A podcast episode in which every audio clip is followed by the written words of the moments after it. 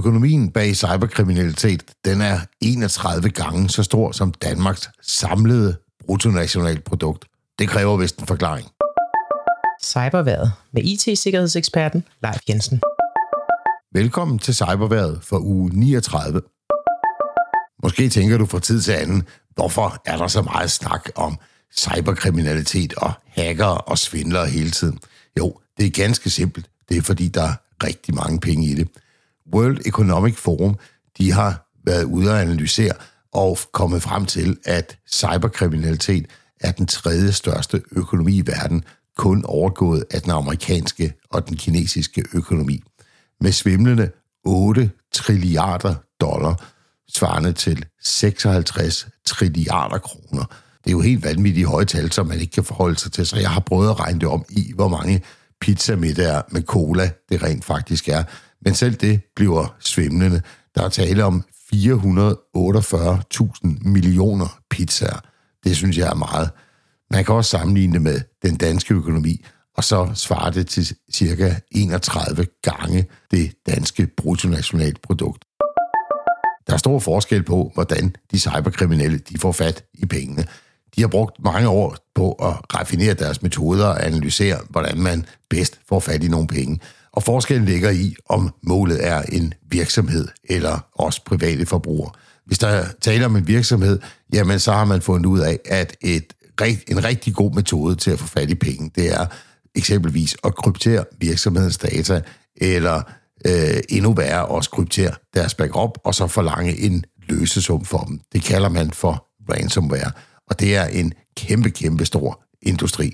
Men man har også forsøgt at gøre det mod private mennesker, for en 4-5 år siden, men det fik man ikke rigtig noget ud af. Der var ikke nogen private, der gad at betale 5.000 kroner for at få deres data tilbage. De nulstillede bare deres computer, eller i nogle tilfælde købte en ny computer. Når nu vi private forbrugere ikke skal bekymre os så meget om ransomware, hvad er det så, vi skal være bekymret for? Jo, en af de ting, som rigtig ofte sker for os private forbrugere, det er, at vi får stjålet vores, eller hacket adgangen til vores Facebook-konto.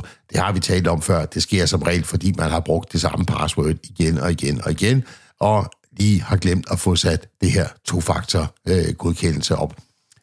Som udgangspunkt, så får svindlerne eller de kriminelle ikke rigtig noget ud af sådan en Facebook-konto, og så alligevel, fordi enten så kan de faktisk putte den på en liste over hacket Facebook-konti, og så kan de sælge den til nogle andre. Det kan også være, at du har registreret dit kreditkort inde på din Facebook-konto som betalingsmiddel. Jamen, så kan de vælge at prøve at bruge det her kreditkort, eller de kan også sælge oplysningerne om det kreditkort til nogle andre. Det samme gælder andre sider, der bliver hacket, eksempelvis hvor du har brugt dit kreditkort, og hvor du har sagt, jo, det er da en god idé, I må godt gemme mit kreditkort, så det er nemmere for mig at handle næste gang. Når banditterne så får fat i dit kreditkort, jamen nogle gange så prøver de at se, om de kan hæve nogle penge på det, og andre gange så sætter de det bare til salg. Og sådan et kreditkort, der fungerer, og med tallene både foran og bag på kortet, det koster omkring en 4-5 dollar på det sorte marked. Men noget af det mest attraktive for de cyberkriminelle, det er at få lukket dig til selv og sende nogle penge til dem.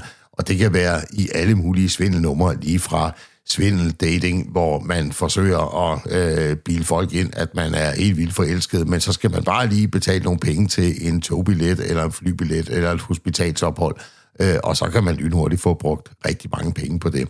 Men noget, som vi ser rigtig meget, desværre også her i Danmark, det er, at kriminelle, de ringer op til helt almindelige herre fra Danmark og siger, at de er for eksempelvis fra Microsoft Support, og de har opdaget, at der er noget forfærdeligt galt med computeren. Den har måske endda fået virus.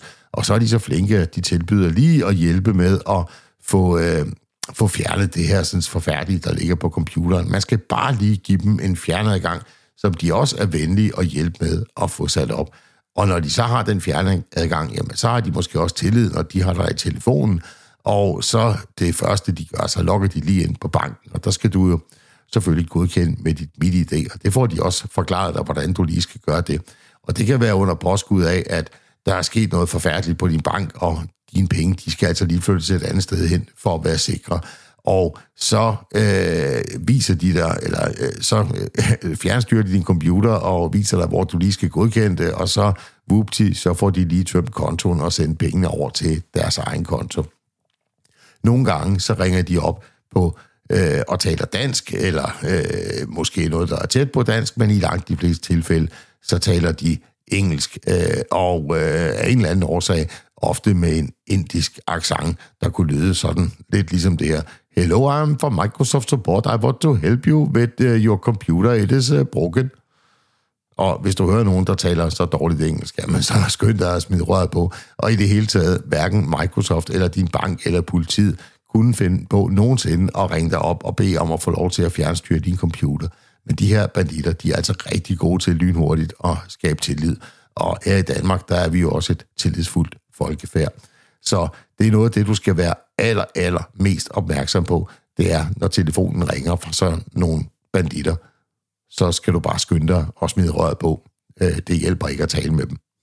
Det var alt, hvad jeg havde på cyberværet for denne gang. Vi høres ved igen i næste uge.